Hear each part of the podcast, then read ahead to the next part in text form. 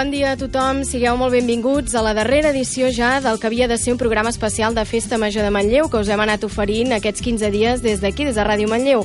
Ja ho sentiu però per la sintonia, avui divendres, malauradament, no és una jornada normal ni tampoc gens alegre. Tots plegats estem de dol pels atemptats terroristes que hi va haver ahir en forma d'atropellament massiu a les Rambles de Barcelona i més tard per l'incident de Cambrils.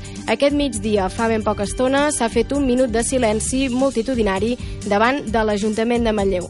Això sí, d'aquí una estona deixarem aquest to més trist i també us explicarem que des de les festes del barri de Gràcia han decidit tirar endavant amb la major part dels actes de la seva agenda d'activitats, excepte el torneig d'escacs i també estan pendents de si la nit de rock d'avui presenta algun canvi de programació.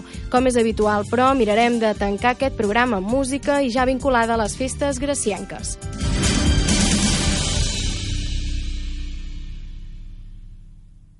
Però abans que res, com us dèiem, hem de fer un apunt molt estretament vinculat al dramàtic atropellament massiu d'ahir a Barcelona. Aquest migdia, davant de l'Ajuntament de Manlleu, hi ha hagut una concentració multitudinària, almenys 300 persones que s'han aplegat consternades per donar suport a les víctimes del terrorisme i expressar un rebuig unànime a la violència. S'hi han aplegat moltes autoritats, ciutadans, integrants de diverses entitats, així com nombrosos representants de la comunitat musulmana de Manlleu. El batlle Àlex Garrido ha explicat que en conèixer la notícia notícia de l'atemptat, de seguida es van voler sumar i convocar aquest minut de silenci, que també s'ha fet en altres indrets de Manlleu, com ara l'Hospital Sant Jaume o el CAP. L'alcalde Àlex Garrido ha dit que també és molt important posar fre i tallar d'arrel alguns rumors. Ha afirmat que no es pot acusar mai de la vida la comunitat musulmana d'uns actes terribles que, ha dit, comet gent que no té nom.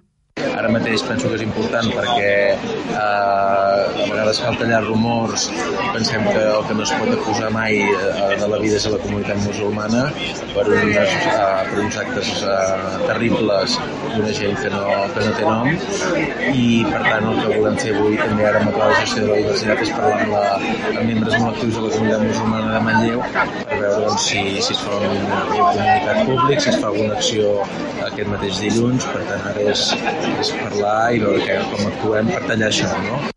L'alcalde de Manlleu ha explicat que molta gent està nerviosa quan viu xocs tan importants i que de vegades alguns no raonen prou bé, però sempre cal no culpabilitzar persones que en molts casos són refugiats perquè han fugit d'aquesta mateixa violència. Com sentíem, avui al migdia s'ha convocat també aquest pla de gestió de la diversitat de l'Ajuntament de Manlleu i no es descarten altres accions. Així mateix, també al Batlle, com la regidora de Seguretat Ciutadana, Carme Trilles, han aprofitat per desmentir totalment que s'hagi produït produït cap mena de detenció ni d'incident a Manlleu. L'alcalde ha aprofitat per fer crítica a certs mitjans que ha dit que especulen i que s'apunten a rumors. Ahir mateix ja vaig contactar amb Mossos d'Esquadra, amb Interior, i em van assegurar que no hi havia cap detingut i també fer una crítica, penso que ara toca aquesta premsa doncs, que, que especula, que, que s'apunta a rumors, això no és periodisme seriós.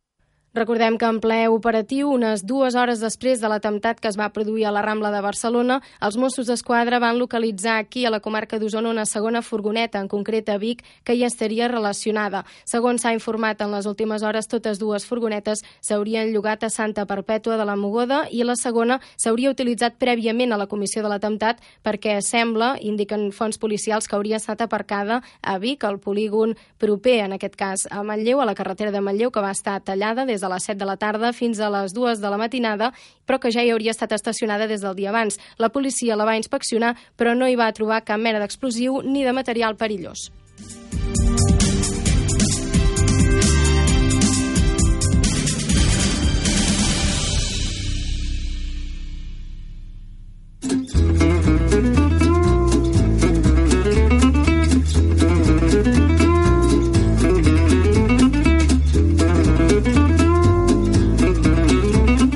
Ara sí, anem canviant ja el to perquè durant aquests 15 dies que us dèiem de programació especial vinculada a la Festa Major de Manlleu, sabeu que hem anat convidant als estudis persones molt significatives que han tingut a veure amb la celebració que acabem de viure. Avui en volem fer un recopilatori. Hem resumit moments destacats de tot el que ens han explicat. I el primer en visitar-nos va ser el pregoner de les festes, que va néixer a Manlleu el 1967. Andreu Parareda, doctor en Medicina i Cirurgia i metge pediatre especialitzat en Oncologia. Va treballar a la Vall d'Hebron, a Sant Joan de Déu, i ha fet estades d'investigació als Estats Units, a París, a Nova York, Boston i Memphis. Ens va deixar diverses reflexions, per exemple, un agraïment molt sincer envers Manlleu que va repetir el pregó, un dels actes més aplaudits. Manlleu ens ha regalat a les persones de les nostres generacions que jo les englobaria en el concepte de generació X, ens ha regalat la possibilitat de poder créixer en un medi ideal per després sortir d'aquest nostre medi, d'aquest nostre terrer i anar pel món amb certa seguretat. No vull dir que, que llavors ja tot estigui fet, però sí que probablement doncs, per, també per la mida de, de la població, doncs això ens, eh, ens va repercutir d'una manera molt positiva eh, per poder tirar enllà. I sí que m'agradaria en algun moment retornar en aquesta meva ciutat, a través d'algun projecte probablement, doncs alguna de les coses que, que la ciutat ens ha donat a nosaltres. La segona persona que hem entrevistat aquests dies va néixer també a Manlleu, en aquest cas uns quants anys abans, el 1933. És Antoni Anglada, en concret ja té 84 anys, però això no li ha estat cap impediment per ser protagonista de l'obra de teatre que ha ofert el Teatre Centre. El malalt imaginari, un clàssic de Molière del segle XVII, que s'ha pogut veure en dues ocasions aquesta festa major. Anglada, des d'aquí a Ràdio Manlleu, va fer una reflexió sobre els canvis que ha viscut en la seva llarguíssima trajectòria. No li impedeixen tampoc seguir gaudint dels plaers de l'escenari. Va estudiar el text, és clar, quan fa 40 o 50 anys teníem una facilitat molt més, més ràpida que ara, però ara eh, em costa més, però també me'n surto. La veterania també t'ajuda molt a sortir del pas, en situacions que a vegades que l'important és que el públic no se'n doni compte. el que has de mirar de no destorbar els actors perquè a vegades pots fer despistar l'altre actor que surt amb tu. La protagonista de l'entrevista que vam fer aquests dies, de la tercera en aquest cas, era l'autora del cartell de la Festa Major de Manlleu d'enguany, un dels dissenys que més s'han pogut contemplar en les últimes jornades. Va explicar que ha viscut a Manlleu gairebé 30 anys i va anar a l'escola a la ciutat. Anna Estruc actualment és mestra, artista aficionada i aquí va fer una anàlisi de la seva obra. I vaig pensar i posar, posar doncs, un element típic de la Festa Major. I vaig pensar, doncs, bueno, faràs el castell de foc, eh, amb el contrast del, del negre nit doncs, eh, donarà lluminositat, també color. Després eh, hi havia, això s'havia d'ubicar en un lloc, és clar, la Festa Major és la Festa Major de Manlleu. Vaig pensar doncs, que dos edificis eh, identificatius de la ciutat són la Casa Vilaró i el Campanar. A més, la Casa Vilaró m'encanta perquè ja vaig agafar aquella torre, una, una de les torres que hi ha aquella taulada, el quart protagonista que vam acollir aquí als estudis de la ràdio va tornar a ser un malleuenc de tota la vida que col·laborava en Festa Jove des dels inicis, fa 16 anys. És Joan Arimany, conegut com el mestre i integrant de la colla dels Diables als Serpents de Manlleu. Vam parlar, naturalment, de foc, un element clau de la cultura catalana que ha estat un ingredient ben present a tota la Festa Major i en especial a la Festa del Serpent. Davant del micròfon de Ràdio Manlleu, Arimany va reflexionar sobre aquest vessant lúdic i alhora perillós del màgic element estem jugant amb foc, eh, necessitem unes precaucions, no podem anar com bojos eh, fent el que no s'ha de fer, s'ha de, de vigilar. Això, si algú vol entrar a la colla, nosaltres, eh, alguns dels membres de la colla, hem fet, un, hem fet uns cursets, d'aquesta manera estem autoritzats a qui vulgui formar part de la colla, pues, això li fas un, un petit curset, com s'estructura la colla, com s'ha de comportar a dintre, a dintre el, el correfoc, i bé, bueno, tot de coses tècniques, que, quins són els materials que tirem, en fi, una mica de, de repassada de, de tot. El convidat següent va ser el president de l'Associació del Serpent de Manlleu, Arnau Roca, que ja feia cinc anys que hi estava involucrat, però no ha estat fins ara quan s'ha renovat tota la Junta Impulsora i va fer un pas més endavant. Enguany, la festa ha estat de les més aplaudides dels seus 12 anys d'història i Arnau Roca ja no va amagar aquí la seva intenció de fer-la viure a l'estil Patum, és a dir, que sigui present durant tot l'any.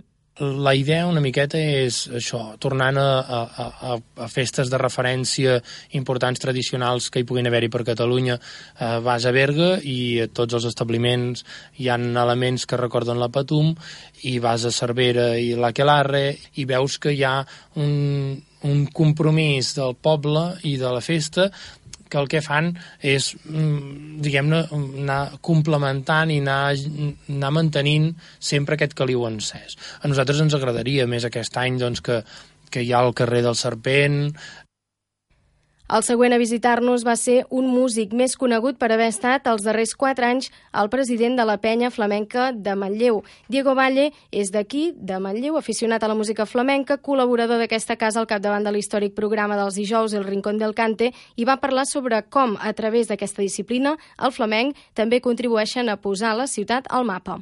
El que passa que sempre som autocrítics i volem més i volem fer coses de, de més envergadura i, i, i aportar al poble de Manlleu i als socis doncs, actuacions i coses que doncs, marquin, no? Home, allò del Candil i festival flamenc que fem al mes de juny, abans de Sant Joan, doncs, són dos actes molt importants que porten el nom de Manlleu doncs, a, a tota la geografia flamenca. Doncs és molt important i com a persones i com a organitzadors d'aquests festivals i candils, concurs i tertúlies i tot el que fem, doncs és maco de, de poder participar-hi. La següent convidada va ser la presidenta dels Nyerros de la Plana, la colla castellera de Manlleu i una altra entitat important. Maria Tauste, de fet, és de Lluçanès, però va explicar que va ser aquí on es va aficionar als castells. Va dir que l'entitat està agafant molta embranzida últimament i pretén tornar a ser una colla de set. L'any que ve remarquem els 20 anys, vull dir, és, és una data ja important. Uh, segurament farem diferents actes per aquí a Manlleu, per GURB, que és on realment Nyerros de la Plana va començar, sempre necessitem més gent, sobretot si nosaltres volem anar creixent com a colla, anar creixent com a castellers. Ara mateix estem en un punt, potser diríem una mica estancats, però esperem que això segueixi endavant molt més temps. Uh, és això, necessitem molta més gent per créixer. Uh, nosaltres ja estem posats en la recerca d'aquesta gent però personalment considero que estem en una etapa bona, vull dir, venim d'unes temporades que fèiem castells de set, uh, malauradament aquesta temporada no hem pogut fer castells de set, però bueno, s'estan assajant i esperem que a finals de temporada es vegin aquests resultats. I vam tancar la sèrie d'entrevistes. Ahir mateix ho recordareu amb una conversa amb l'alcalde de la ciutat, Àlex Garrido. Ell es va encarregar de fer la valoració final, va parlar dels aspectes més positius de la Festa Major de Manlleu, que globalment des del consistori es considera que ha estat un gran èxit. Entenem que aquest any ha vingut més gent que en edicions anteriors, eh, també eh, sortosament és el que comentava, que ha fet molt bon temps, eh, algunes activitats es queien també en cap de setmana i això afavoreix que pugui venir sobretot gent de, de fora, gent que està treballant entre setmana. I per tant eh, el pregó va ser extraordinari, eh, ple absolut als jardins de Can Puget, les habaneres també, que potser en els darrers anys eh, havia afluixat una miqueta, i no ens oblidem del concert de, del dia de Festa Major, del dia 15, amb els quatre artistes manlleuencs que van pujar en els dos escenaris que, que van muntar aquí a plaça. Realment la resposta del públic va ser extraordinària. Fins aquí doncs, el que ha donat de si tots aquests convidats, vuit persones rellevants que han estat implicades dins de la Festa Major de Manlleu, que s'ha acabat ja. Òbviament han quedat moltes més entitats i persones a títol individual al tinter i que han contribuït, com els que més, a engrandir les festes manlleuenques. Cada cop són més reconegudes, ja per part del públic de la comarca d'Osona i també del de fora.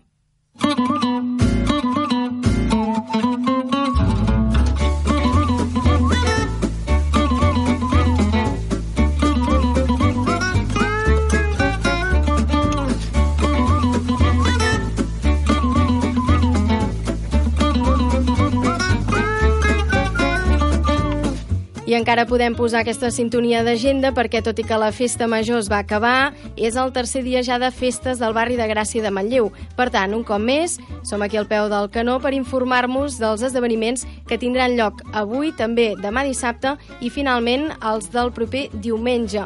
Ho repassarem tot seguit amb la Navila Beuràs.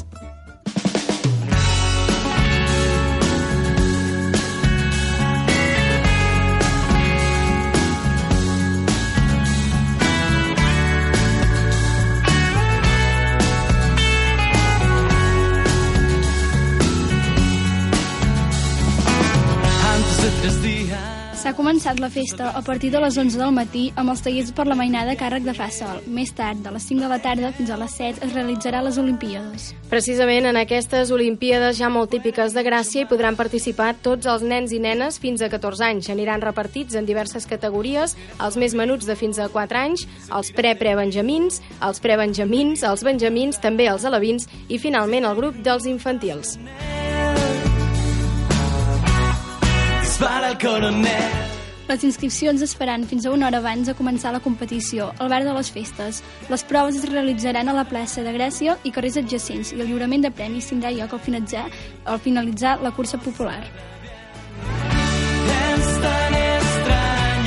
Anem una mica més endavant, serà després a partir de les 7 de la tarda, quan hi haurà aquesta mateixa cursa popular. Les inscripcions, com és habitual, s'han de fer per anar bé una hora abans de començar, és a dir, a les 6 i al mateix bar de les festes del barri de Gràcia.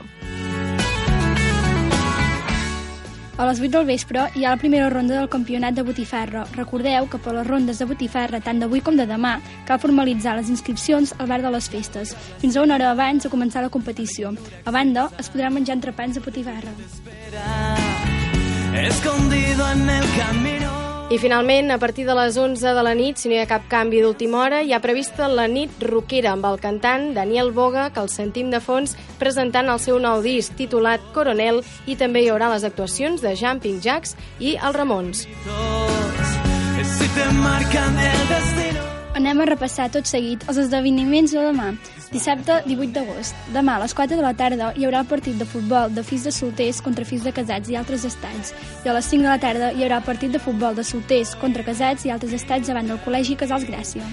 I a la tarda, a dos quarts de cinc, s'havia programat el torneig d'escacs de les partides ràpides, però amb motiu precisament de l'atemptat a Barcelona, aquest acte han anunciat els organitzadors que queda suspès.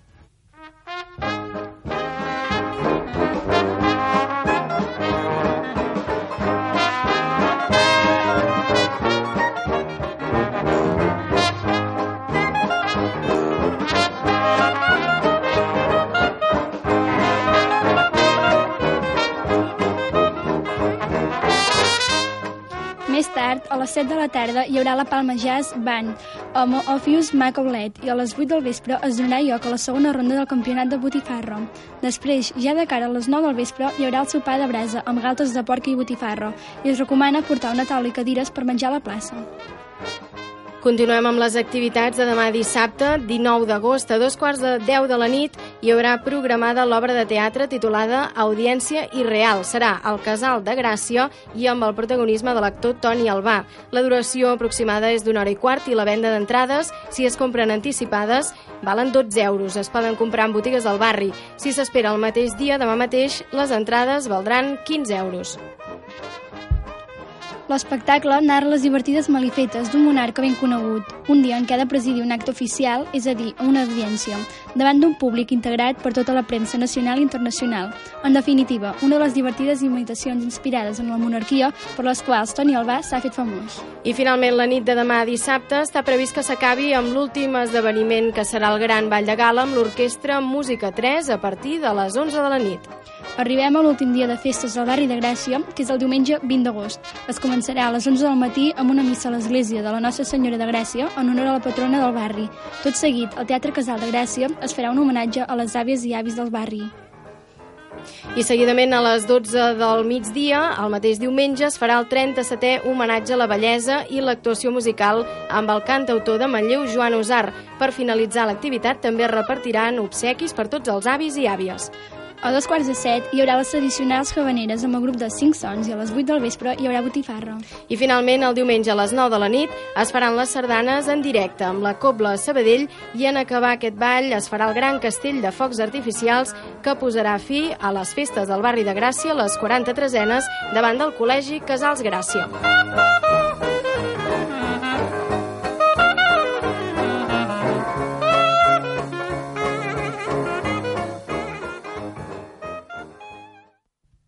I ja ho dèiem, avui és l'última jornada d'aquesta programació especial que us hem anat oferint, com fins ara, però volem acabar el programa amb música. Ja n'hem sentit durant l'agenda, però aquesta vegada hem triat una cançó sencera per poder donar el comiat del programa. És de la banda de Ramones, que van ser un conjunt de punk format al barri de Forest Hill, a Nova York. Es va fundar l'any 1974 i 20 anys després i amb moltes baixes, el grup es va acabar dispersant. És un grup musical en què el punk és la base de les seves músiques. El seu estil es destaca per ser ràpid i directe, amb influències de les bandes com els Beatles, de surf rock, entre d'altres influències. Al llarg de tota la seva carrera d'aquest grup de referència de Ramones han arribat a publicar 14 discos, han fet diverses recopilacions i tenen un total de 21 àlbums i més de 200 cançons. Malgrat la seva fama actual i de grup de culte, es pot dir que mentre estaven en actiu no van rebre gaire reconeixement per part de la crítica i per el que fa a les seves vendes de discos sí que van assolir-ne dos d'or. La banda estava composta originalment per quatre components, que eren el cantant Joey Ramone, el guitarra Johnny Ramone, el baixista Didi Ramone i el bateria Tommy Ramone, tot i que més endavant aquests integrants van anar variant, això sí, sempre posant-se aquest peculiar cognom com a pseudònim segons diverses defuncions o pèrdues d'aquest grup. Recordem que avui, divendres dia 18 d'agost, al vespre, a part de l'actuació de Daniel Boga i el grup Jumping Jacks, tribut a Rolling Stones, també actuaran la banda de música usonenca Ramons, tribut a la banda de rock Ramones, a la qual es dediquen a fer homenatge de la banda popular. Doncs nosaltres ja ens anem acomiadant aquí. Us desitgem que acabeu de passar bones festes de Gràcia. Us saludem, l'equip del programa especial d'aquests dies, Navila Beuràs, Guillem Moral, qui us ha parlat, Arola Comeres, i us deixem amb la cançó original ben coneguda de la banda de Ramones, una de les més populars, Xina is a punk rocker.